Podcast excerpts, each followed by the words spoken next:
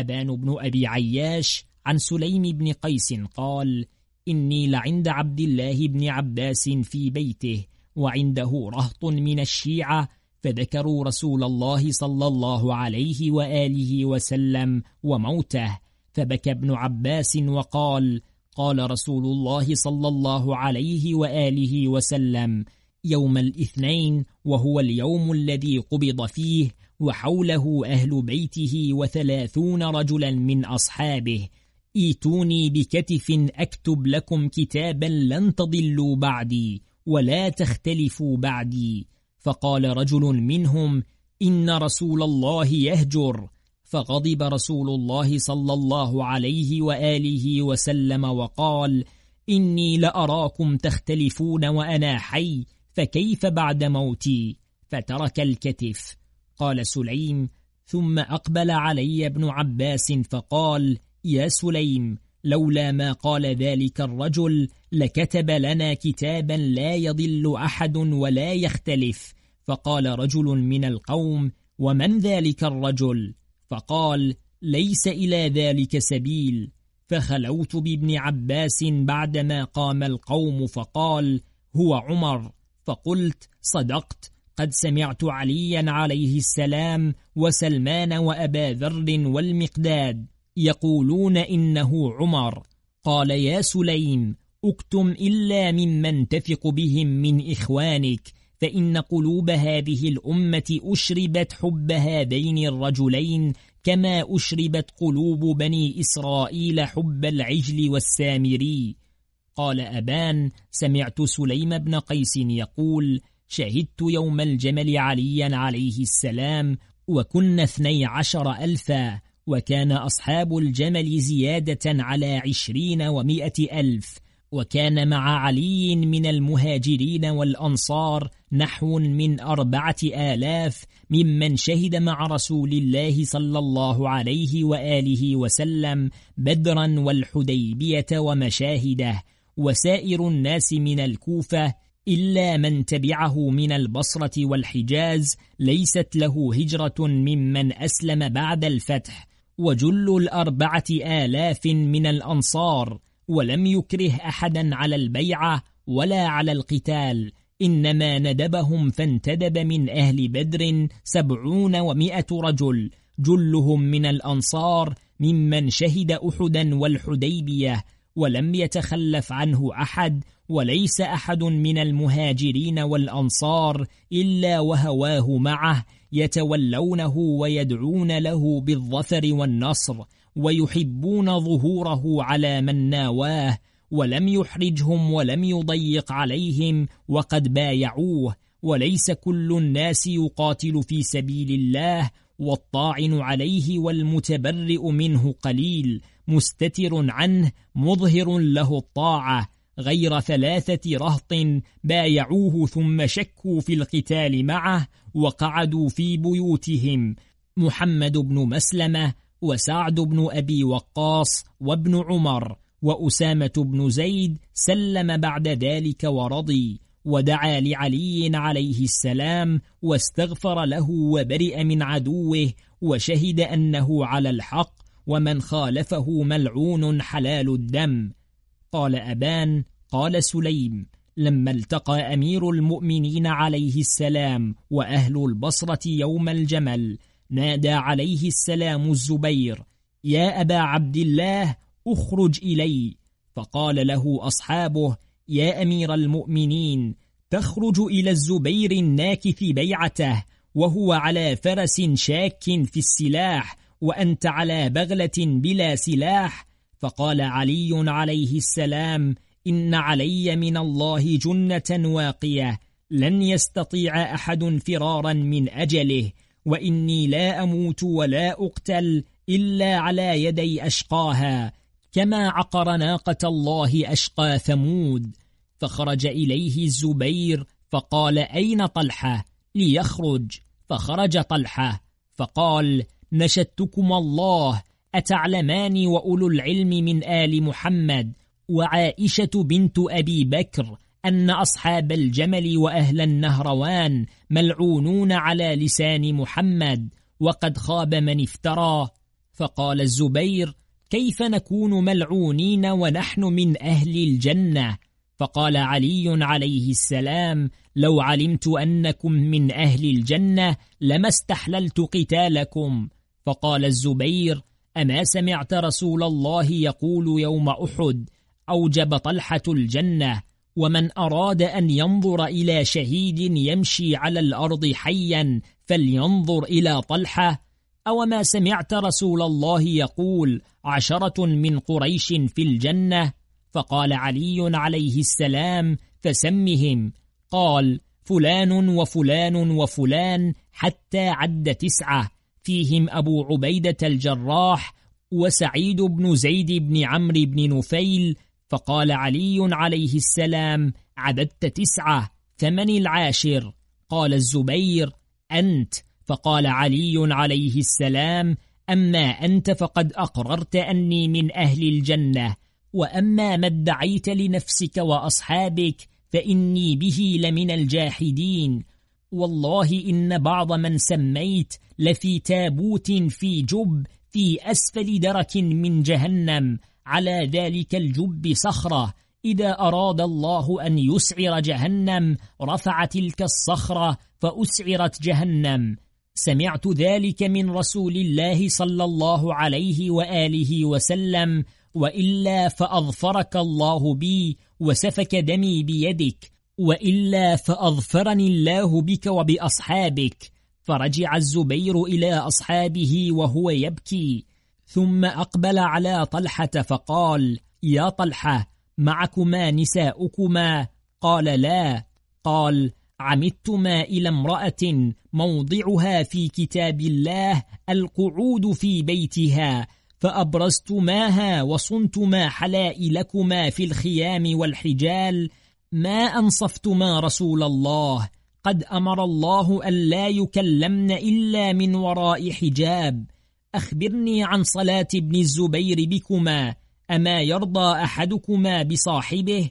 أخبرني عن دعائكما الأعراب إلى قتالي ما يحملكما على ذلك؟ فقال طلحة يا هذا كنا في الشورى ستة مات منا واحد وقتل آخر فنحن اليوم أربعة كلنا لك كاره. فقال له علي عليه السلام ليس ذلك علي. قد كنا الشورى والأمر في يد غيرنا وهو اليوم في يدي. أرأيت لو أردت بعدما بايعت عثمان أن أرد هذا الأمر شورى؟ أكان ذلك لي؟ قال لا. قال ولم؟ قال لأنك بايعت طائعا. فقال علي عليه السلام وكيف ذلك؟ والأنصار معهم السيوف مخترطة. يقولون لئن فرغتم وبايعتم واحدا منكم وإلا ضربنا أعناقكم أجمعين. فهل قال لك ولأصحابك أحد شيئا من هذا وقت بايعتماني؟ وحجتي في الاستكراه في البيعة أوضح من حجتك. وقد بايعتني أنت وصاحبك طائعين غير مكرهين وكنتما أول من فعل ذلك ولم يقل أحد لتبايعان أو لنقتلنكما. فانصرف طلحة ونشب القتال فقتل طلحة وانهزم الزبير.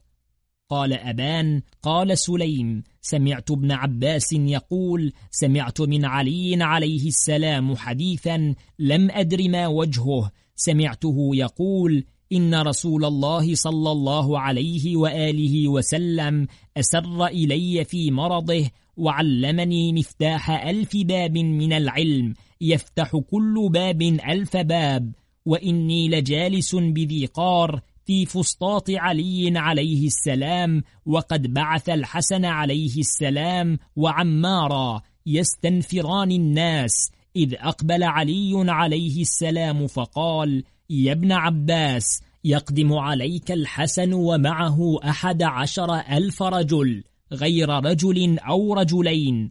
فقلت في نفسي إن كان كما قال فهو من تلك الألف باب. فلما أضلنا الحسن بذلك الجند استقبلت الحسن فقلت لكاتب الجيش الذي معه أسماؤهم كم رجل معكم؟ فقال أحد عشر ألف رجل غير رجل أو رجلين. قال أبان عن سليم قال جلست إلى علي عليه السلام بالكوفة في المسجد والناس حوله. فقال سلوني قبل أن تفقدوني سلوني عن كتاب الله فوالله ما نزلت آية من كتاب الله إلا وقد أقرأنيها رسول الله صلى الله عليه وآله وسلم وعلمني تأويلها. فقال ابن الكواء فما كان ينزل عليه وأنت غائب؟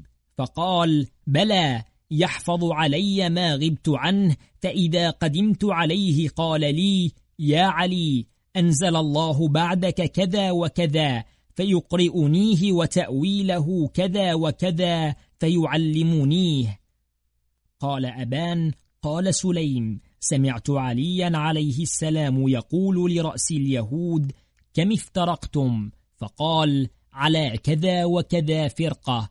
فقال علي عليه السلام كذبت. ثم أقبل على الناس فقال لو ثنيت لي الوسادة لقضيت بين أهل التوراة بتوراتهم وبين أهل الإنجيل بإنجيلهم وبين أهل القرآن بقرآنهم افترقت اليهود على إحدى وسبعين فرقة سبعون منها في النار وواحدة في الجنة وهي التي اتبعت يوشع بن نون وصي موسى وافترقت النصارى على اثنتين وسبعين فرقة إحدى وسبعون فرقة في النار وواحدة في الجنة وهي التي اتبعت شمعون وصي عيسى وتفرقت هذه الأمة على ثلاث وسبعين فرقة اثنتان وسبعون فرقة في النار وواحدة في الجنة وهي التي اتبعت وصي محمد صلى الله عليه وآله وسلم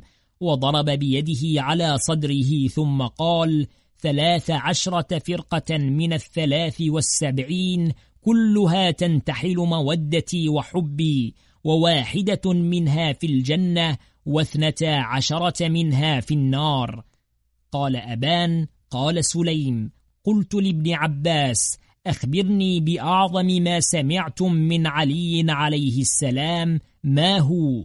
قال سليم فأتاني بشيء قد كنت سمعته أنا من علي عليه السلام. قال دعاني رسول الله صلى الله عليه وآله وسلم وفي يده كتاب فقال يا علي دونك هذا الكتاب. قلت يا نبي الله ما هذا الكتاب؟ قال كتاب كتبه الله فيه تسمية أهل السعادة والشقاء من أمتي. أمرني ربي أن أدفعه إليك. قال أبان وسمعت سليم بن قيس يقول وسألته هل شهدت صفين فقال نعم. قلت هل شهدت يوم الهرير؟ قال نعم. قلت كم كان أتى عليك من السن؟ قال أربعون سنة. قلت فحدثني رحمك الله. قال نعم. مهما نسيت من شيء من الأشياء فلا أنسى هذا الحديث. ثم بكى وقال صفوا وصففنا. فخرج مالك الأشتر على فرس أدهم مجنب وسلاحه معلق في فرسه وبيده الرمح وهو يقرع به رؤوسنا ويقول أقيموا صفوفكم. فلما كتب الكتائب وأقام الصفوف أقبل على فرسه حتى قام بين الصفين فولى أهل الشام ظهره وأقبل علينا بوجهه فحمد الله وأثنى عليه وصلى على النبي صلى الله عليه وآله وسلم ثم قال أما بعد فإنه كان من قضاء الله وقدره اجتماعنا في هذه البقعة من الأرض لآجال قد اقتربت وأمور تصرمت يسوسنا فيها سيد المسلمين وأمير المؤمنين وخير الوصيين وابن عم نبينا وأخوه ووارثه وسيوفنا سيوف الله ورئيسهم ابن آكلة الأكباد وكهف النفاق وبقية الأحزاب يسوقهم إلى الشقاء والنار ونحن نرجو بقتالهم من الله الثواب وهم ينتظرون العقاب فإذا حمي الوطيس وثار القتال وجالت الخيل بقتلانا وقتلاهم رجونا بقتالهم النصر من الله فلا أسمعن غمغمة أو همهمة. أيها الناس غضوا الأبصار وعضوا على النواجذ من الأضراس فإنها أشد لضرب الراس واستقبلوا القوم بوجوهكم وخذوا قوائم سيوفكم بأيمانكم فاضربوا الهام واطعنوا بالرماح مما يلي الشرسوف فإنه مقتل وشدوا شدة قوم موتورين بآبائهم وبدماء إخوانهم حنقين على عدوهم قد وطنوا أنفسهم على الموت لكي لا تذلوا ولا يلزمكم في الدنيا عار ثم التقى القوم فكان بينهم أمر عظيم فتفرقوا عن سبعين ألف قتيل من جحاجحة العرب وكانت الوقعة يوم الخميس من حيث استقلت الشمس حتى ذهب ثلث الليل الأول. ما سجد لله في دينك العسكرين سجدة حتى مرت مواقيت الصلوات الأربع الظهر والعصر والمغرب والعشاء.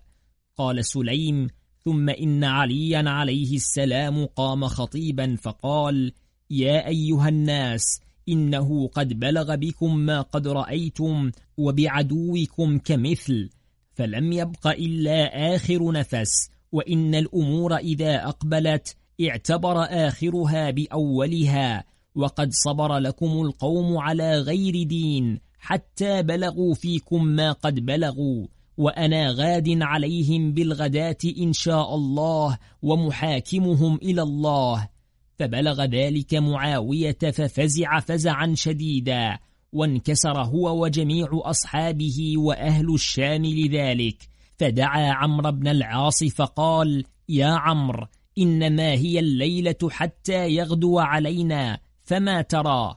قال أرى الرجال قد قلوا وما بقي فلا يقومون لرجاله ولست مثله وإنما يقاتلك على أمر وأنت تقاتله على غيره أنت تريد البقاء وهو يريد الفناء وليس يخاف أهل الشام عليا إن ظفر بهم ويخاف أهل العراق إن ظفرت بهم ولكن ألق إليهم أمرا فإن ردوه اختلفوا وإن قبلوه اختلفوا. ادعهم إلى كتاب الله وارفع المصاحف على رؤوس الرماح. فإنك بالغ حاجتك. فإني لم أزل أدخرها لك. فعرفها معاوية وقال صدقت ولكن قد رأيت رأيا أخدع به عليا. طلبي إليه الشام على الموادعة وهو الشيء الأول الذي ردني عنه. فضحك عمرو وقال أين أنت يا معاوية من خديعة علي؟ وإن شئت أن تكتب فاكتب. قال فكتب معاوية إلى علي عليه السلام كتابا مع رجل من أهل السكاسك يقال له عبد الله بن عقبة.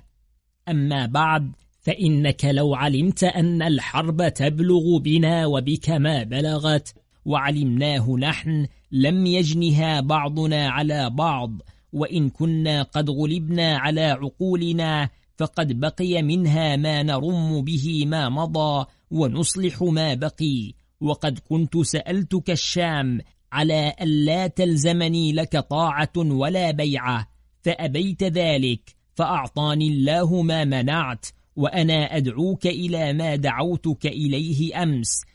فإنك لا ترجو من البقاء إلا ما أرجوه ولا تخاف من الفناء إلا ما أخاف. وقد والله رقت الأكباد وذهب الرجال ونحن بنو عبد مناف وليس لبعضنا على بعض فضل يستذل به عزيز ولا يسترق به ذليل. والسلام. قال سليم فلما قرأ علي عليه السلام كتابه ضحك وقال العجب من معاوية وخديعته لي. فدعا كاتبه عبيد الله بن أبي رافع فقال له اكتب أما بعد فقد جاءني كتابك تذكر فيه أنك لو علمت أن الحرب تبلغ بنا وبك إلى ما بلغت لم يجنها بعضنا على بعض وإنا وإياك يا معاوية على غاية منها لم نبلغها بعد. وأما طلبك إلي الشام فإني لم أكن لأعطيك اليوم ما منعتك أمس. وأما استواؤنا في الخوف والرجاء فإنك لست بأمضى على الشك مني على اليقين. وليس أهل الشام أحرص على الدنيا من أهل العراق على الآخرة. وأما قولك إنا بنو عبد مناف ليس لبعضنا فضل على بعض فكذلك نحن ولكن ليس أمية كهاشم ولا حرب كعبد المطلب ولا أبو سفيان كأبي طالب ولا الطليق كالمهاجر ولا المنافق كالمؤمن ولا المبطل كالمحق. في أيدينا فضل النبوة التي ملكنا بها العرب واستعبدنا بها العجم والسلام. فلما انتهى كتاب علي عليه السلام إلى معاوية كتمه عن عمرو ثم دعاه فأقرأه فشمت به عمرو وقد كان نهاه. ولم يكن أحد من قريش أشد تعظيما لعلي عليه السلام من عمرو بعد اليوم الذي صرعه فيه عن دابته. فقال عمرو ألا لله درك يا ابن هند ودر المرء ذي الحال المسود؟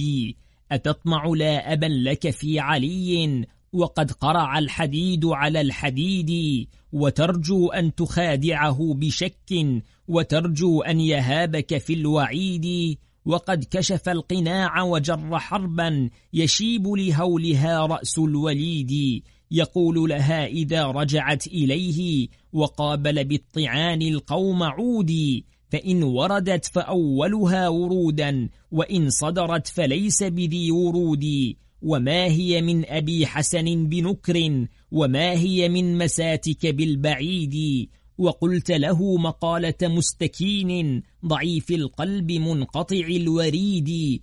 طلبت الشام حسبك يا ابن هند من السوءات والرأي الزهيد. ولو أعطاكها ما ازددت عزا وما لك في استزادك من مزيد فلم تكسر بهذا الرأي عودا سوى ما كان لا بل دون عودي فقال معاوية والله لقد علمت ما أردت بهذا. قال عمرو وما أردت به.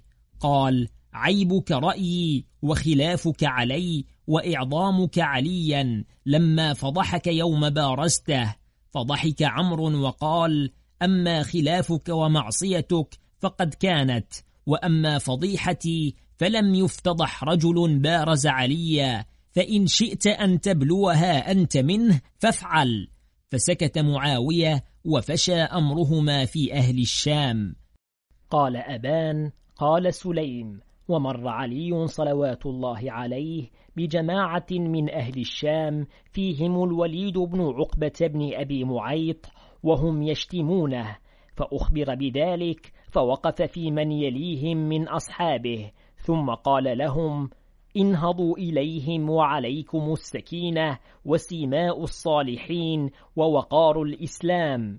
إن أقربنا من الجهل بالله والجرأة عليه والإغترار لقوم رئيسهم معاوية وابن النابغة وأبو الأعور السلمي وابن أبي معيط شارب الخمر والمجلود الحد في الإسلام والطريد مروان وهم هؤلاء يقومون ويشتمون وقبل اليوم ما قاتلوني وشتموني وأنا إذ ذاك أدعوهم إلى الإسلام وهم يدعونني إلى عبادة الأوثان فالحمد لله على ما عاداني الفاسقون إن هذا الخطب جليل إن فساقا منافقين كانوا عندنا غير مؤتمنين وعلى الإسلام متخوفين خدعوا شطر هذه الأمة وأشربوا قلوبهم حب الفتنة واستمالوا أهواءهم إلى الباطل فقد نصبوا لنا الحرب وجدوا في إطفاء نور الله والله متم نوره ولو كره الكافرون. ثم حرض عليهم وقال إن هؤلاء لا يزالون عن موقفهم هذا دون طعن دراك تطير منه القلوب وضرب يفلق الهام وتطيح منه الأنوف والعظام وتسقط منه المعاصم وحتى تقرع جباههم بعمد الحديد وتنشر حواجبهم على صدورهم والأذقان والنحور. أين أهل الدين طلاب الأجر؟ فثارت إليه عصابة نحو أربعة آلاف فدعا محمد بن الحنفية فقال يا بني امش نحو هذه الراية مشيا وإيدا على هينتك حتى إذا أشرعت في صدورهم الأسنة فأمسك حتى يأتيك رأيي. ففعل وأعد علي عليه السلام مثلهم فلما دنا محمد وأشرع الرماح في صدورهم أمر علي عليه السلام الذين كان أعدهم أن يحملوا معهم فشدوا عليهم ونهض محمد ومن معه في وجوههم فأزالوهم عن مواقفهم وقتلوا عامتهم.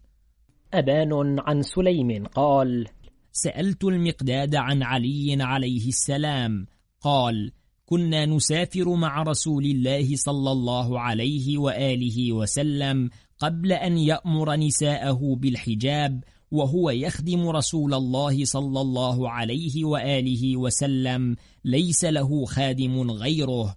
وكان لرسول الله صلى الله عليه وآله وسلم لحاف ليس له لحاف غيره ومعه عائشة. فكان رسول الله صلى الله عليه وآله وسلم ينام بين علي عليه السلام وعائشة. ليس عليهم لحاف غيره. فإذا قام رسول الله صلى الله عليه وآله وسلم من الليل حط بيده اللحاف من وسطه بينه وبين عائشة حتى يمس اللحاف الفراش الذي تحتهم. ويقوم رسول الله صلى الله عليه وآله وسلم فيصلي. فأخذت عليا الحمى ليلة فأسهرته.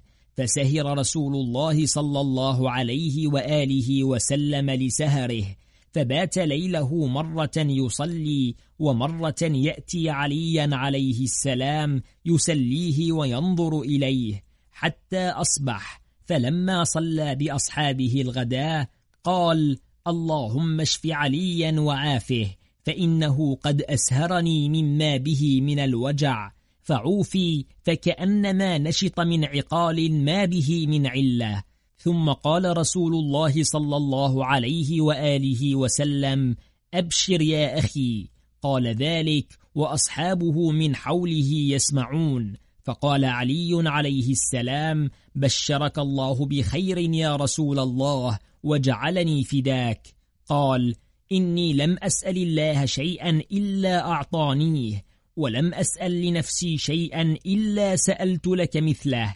إني دعوت الله أن يواخي بيني وبينك ففعل وسألته أن يجعلك ولي كل مؤمن بعدي ففعل وسألته إذ ألبسني ثوب النبوة والرسالة أن يلبسك ثوب الوصية والشجاعة ففعل وسألته أن يجعلك وصيي ووارثي وخازن علمي ففعل وسألته أن يجعلك مني بمنزلة هارون من موسى وأن يشد بك أزري ويشركك في أمري ففعل إلا أنه لا نبي بعدي فرضيت وسألته أن يزوجك ابنتي ويجعلك أبا ولدي ففعل فقال رجل لصاحبه أرأيت ما سأل؟ فوالله لو سأل ربه أن ينزل عليه ملكا يعينه على عدوه أو يفتح له كنزا ينفقه هو وأصحابه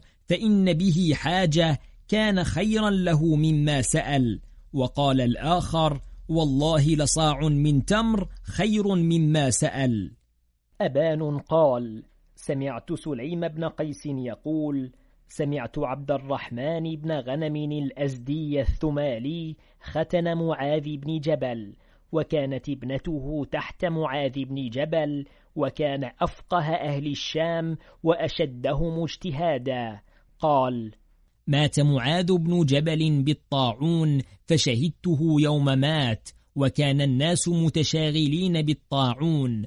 قال وسمعته حين احتضر وليس في البيت غيري. وذلك في خلافة عمر بن الخطاب. يقول ويل لي ويل لي.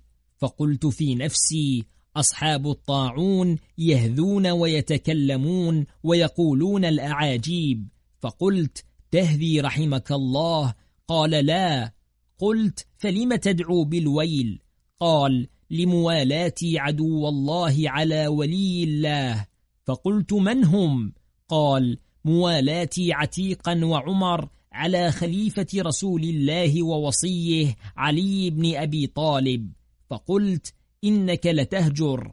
فقال يا ابن غنم والله ما أهجر.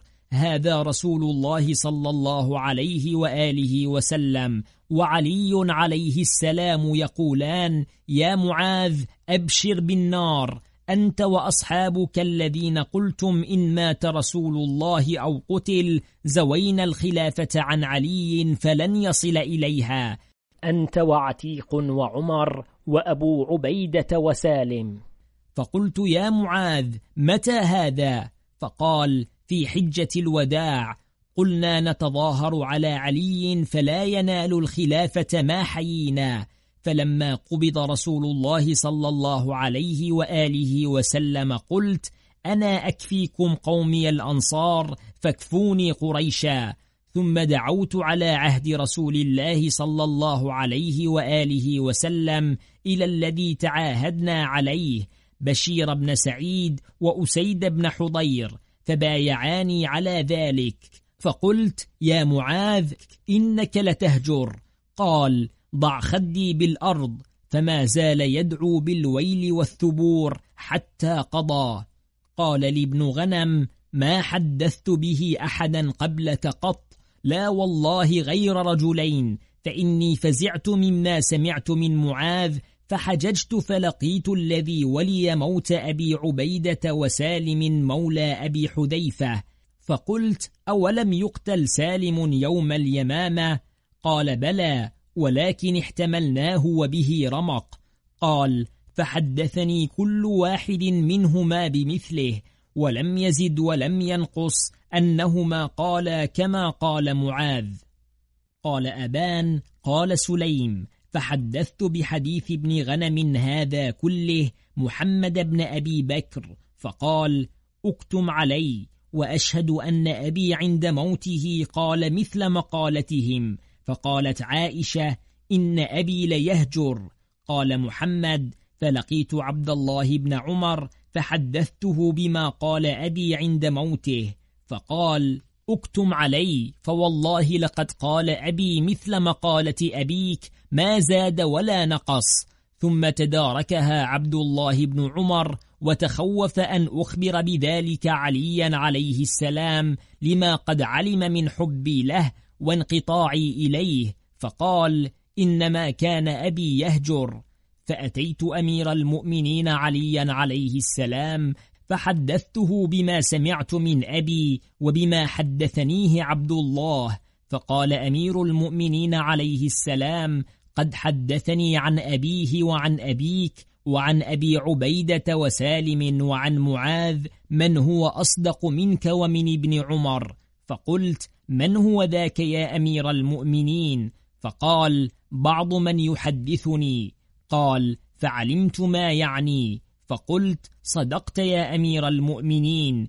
إنما حسبت إنسانا حدثك وما شهد أبي وهو يقول هذا غيري. قال فقلت لعبد الرحمن بن غنم مات معاذ بالطاعون فبما مات أبو عبيدة بن الجراح؟ قال بالدبيلة. فلقيت محمد بن أبي بكر فقلت هل شهد موت أبيك غير أخيك عبد الرحمن وعائشة وعمر؟ وهل سمعوا منه ما سمعت؟ قال سمعوا منه طرفا فبكوا وقالوا إنه يهجر فأما كل ما سمعت أنا فلا. قلت والذي سمعوا منه ما هو؟ قال دعا بالويل والثبور. فقال له عمر يا خليفة رسول الله ما لك تدعو بالويل والثبور؟ قال هذا محمد وعلي يبشراني بالنار بيده الصحيفة التي تعاهدنا عليها في الكعبة وهو يقول لقد وفيت بها فظاهرت على ولي الله أنت وأصحابك فأبشر بالنار في أسفل السافلين. فلما سمعها عمر خرج وهو يقول إنه ليهجر. قال لا والله لا أهجر. قال عمر أنت ثاني اثنين إذ هما في الغار. قال الآن أيضا أولم أحدثك أن محمدا ولم يقل رسول الله. قال لي وأنا معه في الغار. إني أرى سفينة جعفر وأصحابه تعوم في البحر. قلت فأرنيها فمسح وجهي فنظرت إليها فاستيقنت عند ذلك أنه ساحر. فقال عمر يا هؤلاء إن أباكم يهجر فاكتموا ما تسمعون منه لا يشمت بكم أهل هذا البيت. ثم خرج وخرج أخي ليتوضأ للصلاة فأسمعني من قوله ما لم يسمعوا. فقلت له لما خلوت به يا أبه قل لا إله إلا الله. قال لا أقولها أبدا ولا أقدر عليها حتى أدخل التابوت. فلما ذكر التابوت ظننت أنه يهجر.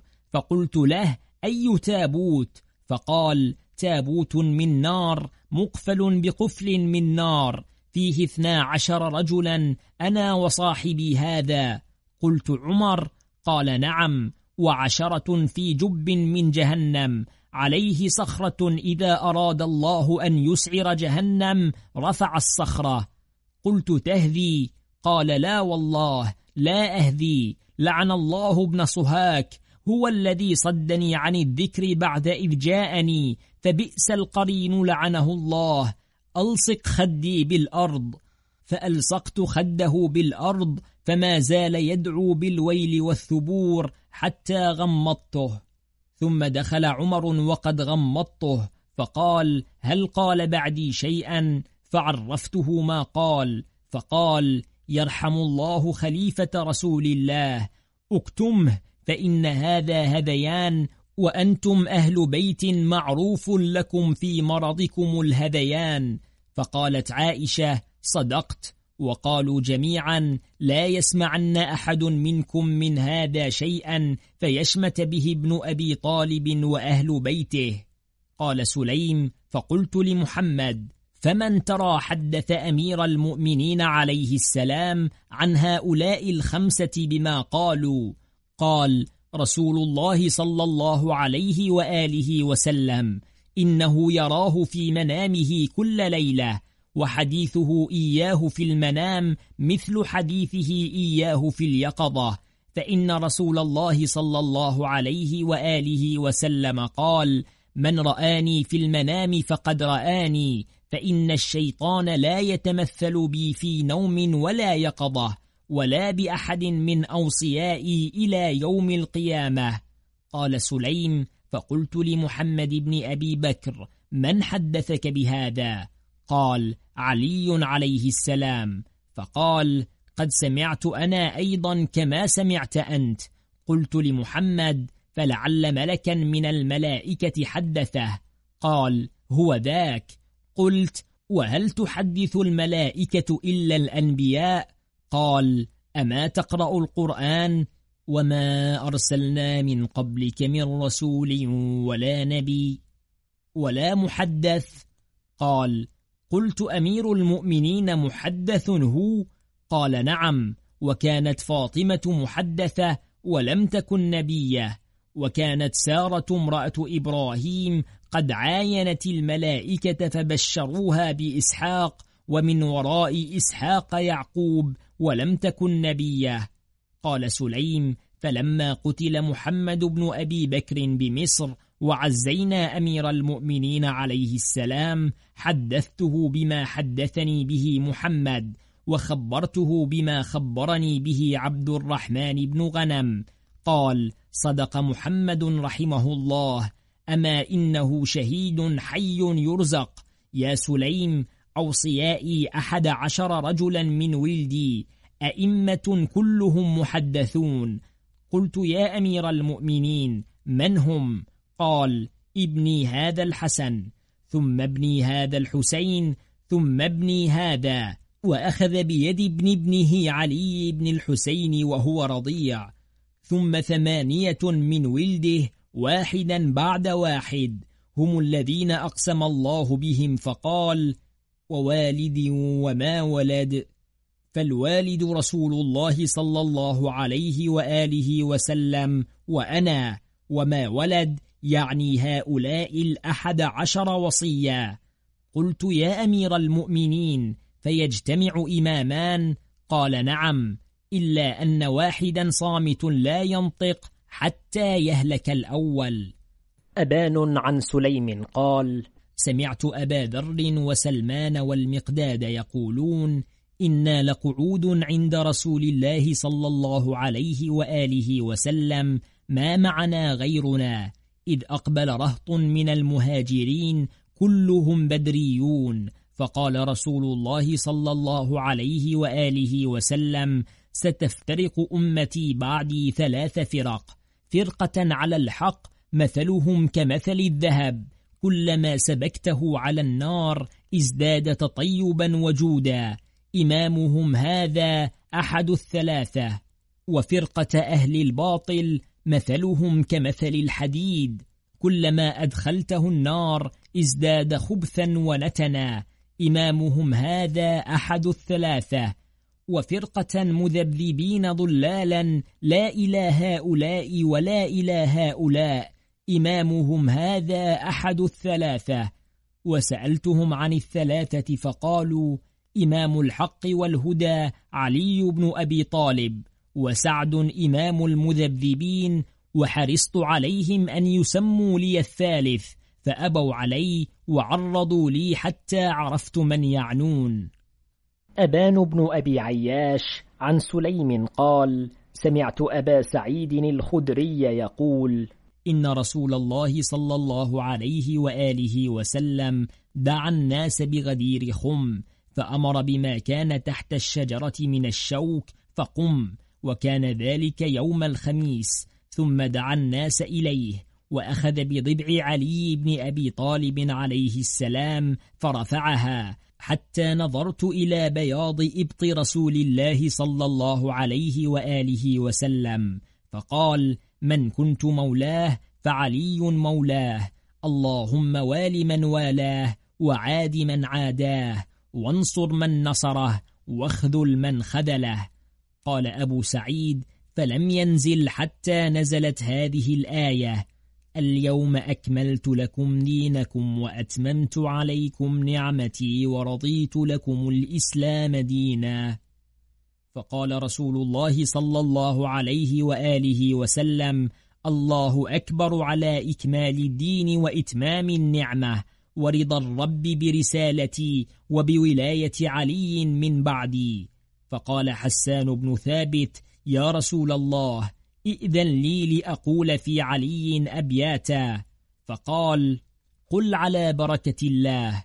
فقال حسان يا مشيخة قريش اسمعوا قولي بشهادة من رسول الله صلى الله عليه وآله وسلم.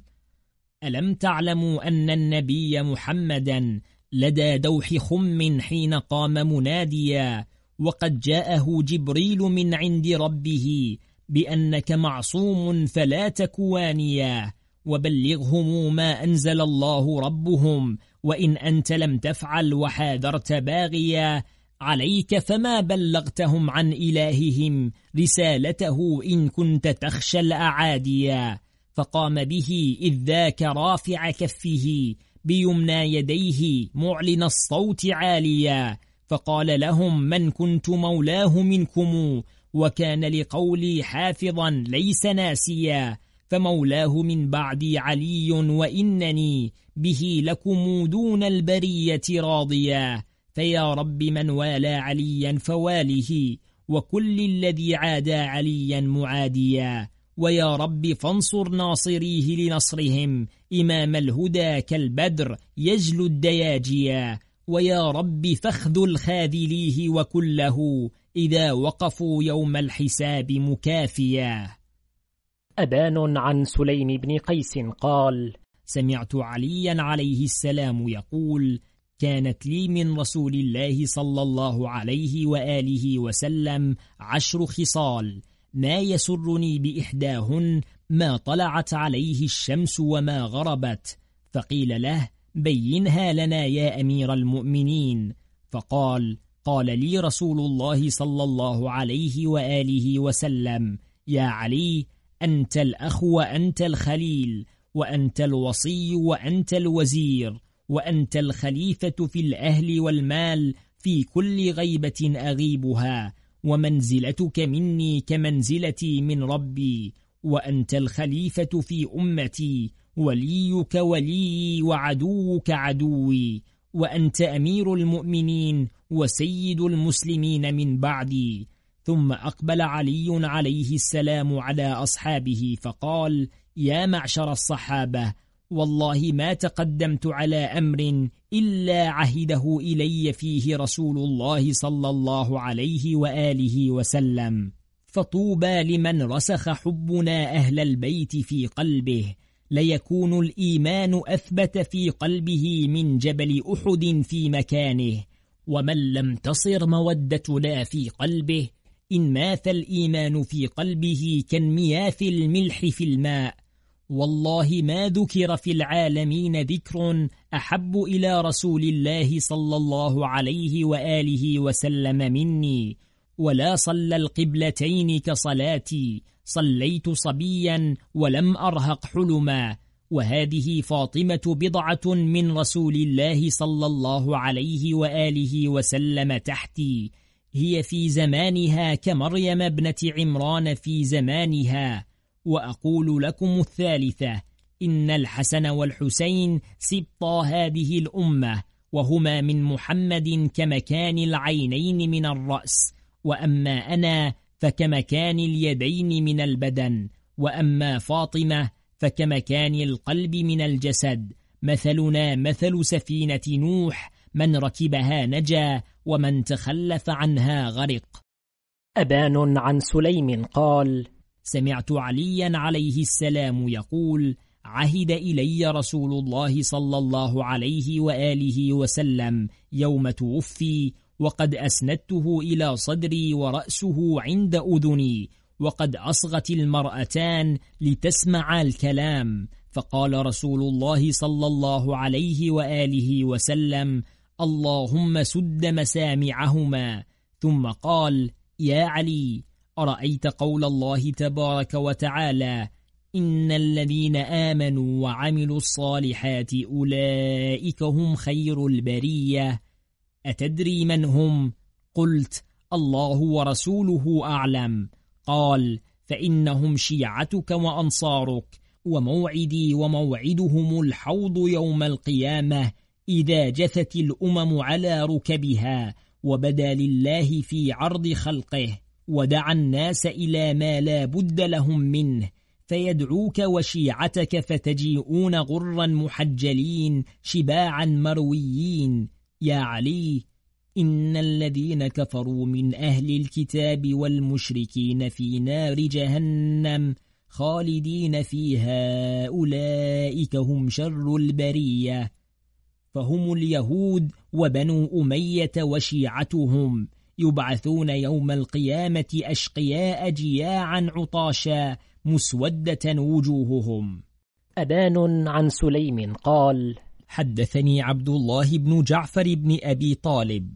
قال كنت عند معاوية ومعنا الحسن والحسين وعنده عبد الله بن عباس فالتفت إلي معاوية فقال يا عبد الله ما أشد تعظيمك للحسن والحسين وما هما بخير منك ولا أبوهما خير من أبيك ولولا أن فاطمة بنت رسول الله لقلت ما أمك أسماء بنت عميس بدونها. فقلت والله إنك لقليل العلم بهما وبأبيهما وبأمهما بل والله لهما خير مني وأبوهما خير من أبي وأمهما خير من أمي. يا معاوية إنك لغافل عما سمعته أنا من رسول الله صلى الله عليه وآله وسلم. يقول فيهما وفي أبيهما وأمهما قد حفظته ووعيته ورويته. قال هات يا ابن جعفر فوالله ما أنت بكذاب ولا متهم. فقلت إنه أعظم مما في نفسك. قال وإن كان أعظم من أحد وحراء جميعا فلست أبالي إذا قتل الله صاحبك وفرق جمعكم وصار الأمر في أهله فحدثنا فما نبالي بما قلتم ولا يضرنا ما ادعيتم.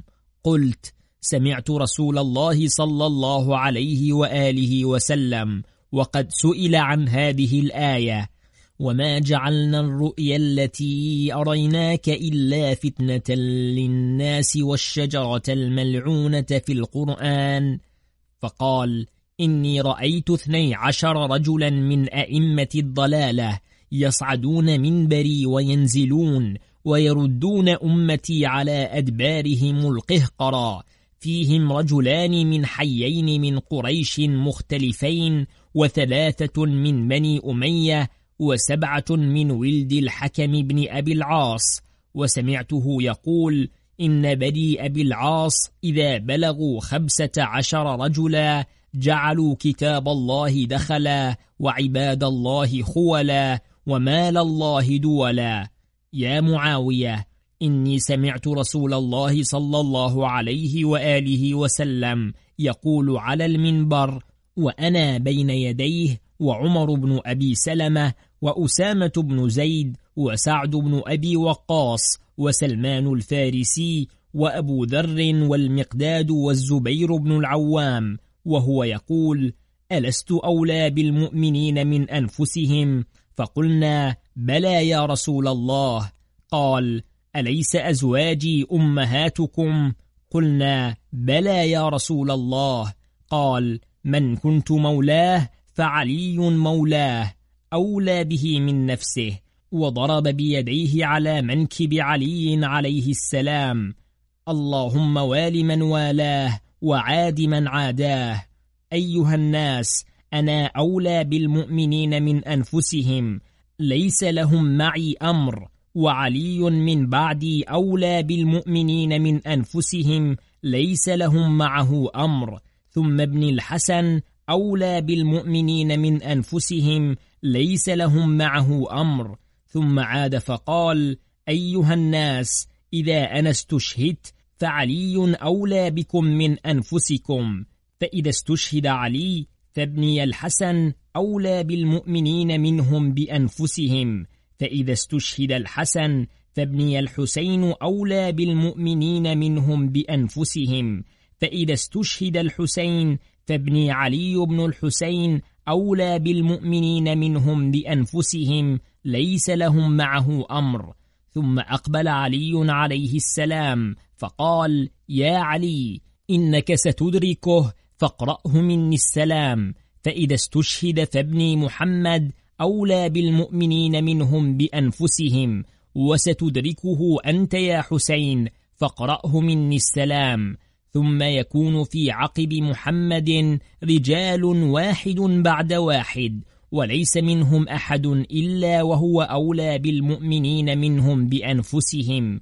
ليس لهم معه أمر كلهم هادون مهتدون فقام علي بن أبي طالب صلوات الله عليه وهو يبكي فقال بأبي أنت وأمي يا نبي الله أتقتل؟ قال نعم أهلك شهيدا بالسم وتقتل أنت بالسيف وتخضب لحيتك من دم رأسك ويقتل ابن الحسن بالسم ويقتل ابن الحسين بالسيف يقتله طاغ ابن طاغ دعي ابن دعي. فقال معاوية يا ابن جعفر لقد تكلمت بعظيم ولئن كان ما تقول حقا لقد هلكت أمة محمد من المهاجرين والأنصار غيركم أهل البيت وأولياءكم وأنصاركم. فقلت والله إن الذي قلت حقا سمعته من رسول الله صلى الله عليه وآله وسلم. قال معاوية يا حسن ويا حسين ويا ابن عباس ما يقول ابن جعفر؟ فقال ابن عباس إن لا تؤمن بالذي قال فأرسل إلى الذين سماهم فاسألهم عن ذلك. فأرسل معاوية إلى عمر بن أبي سلمة وإلى أسامة بن زيد فسألهما فشهدا إن الذي قال ابن جعفر قد سمعناه من رسول الله صلى الله عليه وآله وسلم كما سمعه. فقال معاوية يا ابن جعفر قد سمعناه في الحسن والحسين وفي أبيهما فما سمعت في أمهما؟ ومعاوية كالمستهزئ والمنكر فقلت سمعت من رسول الله صلى الله عليه وآله وسلم يقول ليس في جنة عدن منزل أشرف ولا أفضل ولا أقرب إلى عرش ربي من منزلي ومعي ثلاثة عشر من أهل بيتي أخي علي وابنتي فاطمة وابناي الحسن والحسين وتسعة من ولد الحسين الذين أذهب الله عنهم الرجس وطهرهم تطهيرا. هداة مهتدون وأنا المبلغ عن الله وهم المبلغون عني. وهم حجج الله على خلقه وشهداؤه في أرضه وخزانه على علمه ومعادن حكمه. من أطاعهم أطاع الله ومن عصاهم عصى الله. لا تبقى الأرض طرفة عين إلا ببقائهم. ولا تصلح إلا بهم يخبرون الأمة بأمر دينهم وبحلالهم وحرامهم يدلونهم على رضا ربهم وينهونهم عن سخطه بأمر واحد ونهي واحد. ليس فيه اختلاف ولا فرقة ولا تنازع. يأخذه آخرهم عن أولهم إملائي وخط أخي علي بيده. يتوارثونه إلى يوم القيامة. أهل الأرض كلهم في غمرة وغفلة وتيهة وحيرة غيرهم وغير شيعتهم وأوليائهم. لا يحتاجون إلى أحد من الأمة في شيء من أمر دينهم والأمة تحتاج إليهم. هم الذين عنى الله في كتابه وقرن طاعتهم بطاعته وطاعة رسول الله. فقال أطيعوا الله وأطيعوا الرسول وأولي الأمر منكم. فأقبل معاوية على الحسن والحسين وابن عباس والفضل بن عباس وعمر بن أبي سلمة وأسامة بن زيد فقال كلكم على ما قال ابن جعفر. قالوا نعم. قال يا بني عبد المطلب إنكم لتدعون أمرا عظيما وتحتجون بحجج قوية إن كانت حقا وإنكم لتضمرون على أمر تسرونه والناس عنه في غفلة عمياء ولئن كان ما تقولون حقا لقد هلكت الأمة وارتدت عن دينها وتركت عهد نبيها غيركم أهل البيت ومن قال بقولكم وأولئك في الناس قليل. فقلت يا معاوية إن الله تبارك وتعالى يقول وقليل من عبادي الشكور ويقول وما أكثر الناس ولو حرصت بمؤمنين ويقول إلا الذين آمنوا وعملوا الصالحات وقليل ما هم ويقول لنوح وما آمن معه إلا قليل يا معاوية المؤمنون في الناس قليل وإن أمر بني إسرائيل أعجب حيث قالت السحرة لفرعون أن اقضي ما أنت قاض إنما تقضي هذه الحياة الدنيا إنا آمنا بربنا. فآمنوا بموسى وصدقوه واتبعوه فسار بهم وبمن تبعه من بني إسرائيل فأقطعهم البحر وأراهم الأعاجيب وهم يصدقون به وبالتوراة ويقرون له بدينه فمر بهم على قوم يعبدون أصناما لهم فقالوا يا موسى اجعل لنا إلها كما لهم آلهة ثم اتخذوا العجل فعكفوا عليه جميعا غير هارون وأهل بيته وقال لهم السامري هذا إلهكم وإله موسى. وقال لهم بعد ذلك ادخلوا الأرض المقدسة التي كتب الله لكم. فكان من جوابهم ما قص الله في كتابه إن فيها قوما جبارين وإنا لن ندخلها حتى يخرجوا منها فإن يخرجوا منها فإنا داخلون. حتى قال موسى رب إني لا أملك إلا نفسي وأخي فافرق بيننا وبين القوم الفاسقين.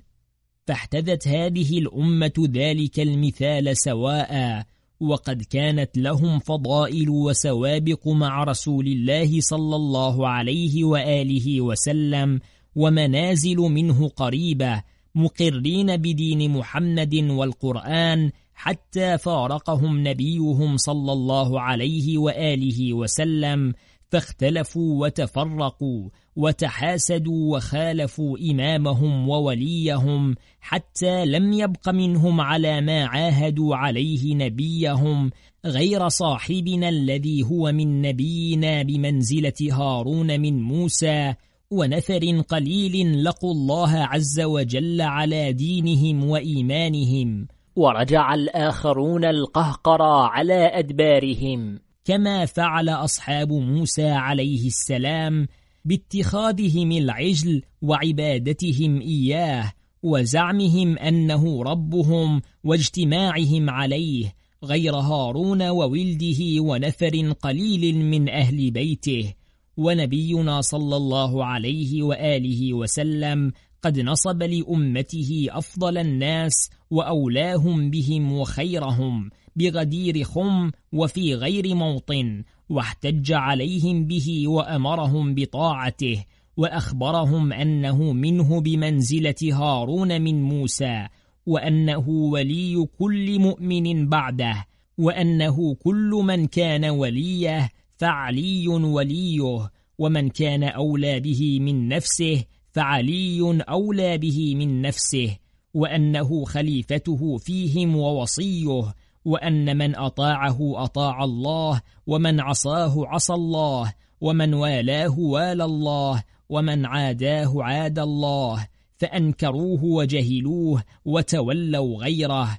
يا معاوية أما علمت أن رسول الله صلى الله عليه وآله وسلم حين بعث إلى مؤتة أمر عليهم جعفر بن أبي طالب ثم قال إن هلك جعفر فزيد بن حارثة فإن هلك زيد فعبد الله بن رواحة ولم يرض لهم أن يختاروا لأنفسهم أفكان يترك أمته لا يبين لهم خليفته فيهم؟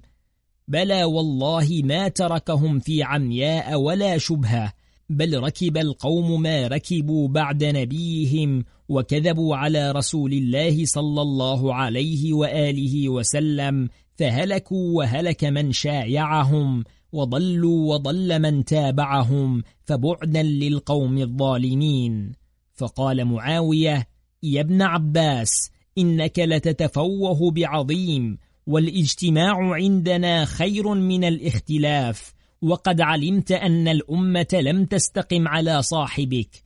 فقال ابن عباس إني سمعت رسول الله صلى الله عليه وآله وسلم يقول ما اختلفت أمة بعد نبيها إلا ظهر أهل باطلها على أهل حقها وإن هذه الأمة اجتمعت على أمور كثيرة ليس بينها اختلاف ولا منازعة ولا فرقة شهادة أن لا إله إلا الله وأن محمدا رسول الله والصلوات الخمس وصوم شهر رمضان وحج البيت وأشياء كثيرة من طاعة الله ونهي الله مثل تحريم الزنا والسرقة وقطع الأرحام والكذب والخيانة.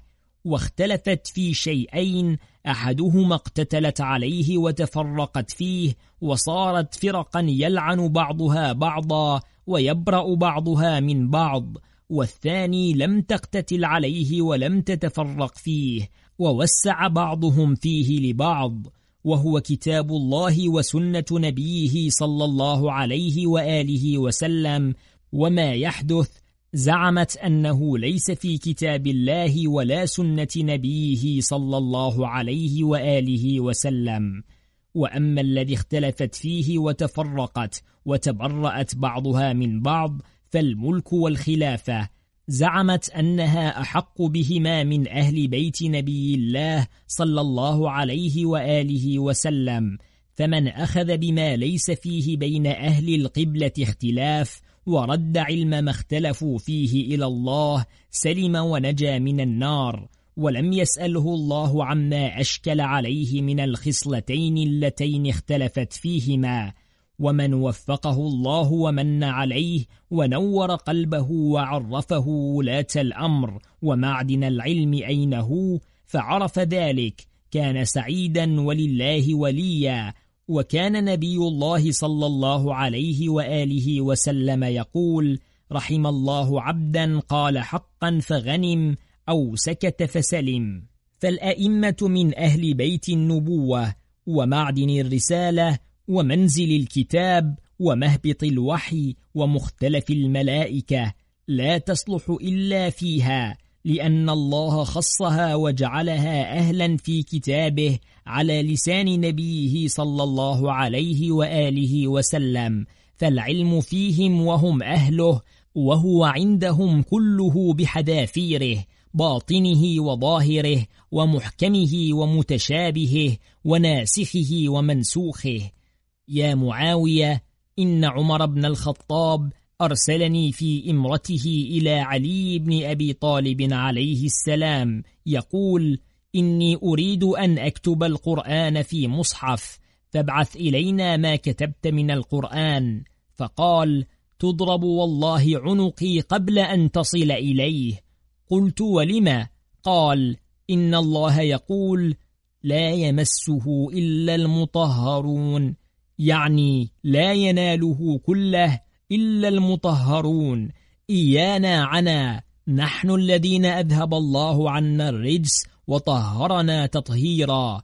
وقال وأورثنا الكتاب الذين اصطفينا من عبادنا فنحن الذين اصطفانا الله من عباده. ونحن صفوة الله ولنا ضرب الأمثال وعلينا نزل الوحي. فغضب عمر وقال إن ابن أبي طالب يحسب أنه ليس عند أحد علم غيره فمن كان يقرأ من القرآن شيئا فليأتنا به. فكان إذا جاء رجل بقرآن فقرأه ومعه آخر كتبه وإلا لم يكتبه فمن قال يا معاوية إنه ضاع من القرآن شيء فقد كذب. هو عند أهله مجموع. ثم أمر عمر قضاته وولاته فقال اجتهدوا رأيكم واتبعوا ما ترون أنه الحق فلم يزل هو وبعض ولاته قد وقعوا في عظيمة فكان علي بن أبي طالب عليه السلام يخبرهم بما يحتج به عليهم وكان عماله وقضاته يحكمون في شيء واحد بقضايا مختلفة فيجيزها لهم لأن الله لم يؤته الحكمة وفصل الخطاب. وزعم كل صنف من أهل القبلة أنهم معدن العلم والخلافة دونهم. فبالله نستعين على من جحدهم حقهم وسن للناس ما يحتج به مثلك عليهم. ثم قاموا فخرجوا.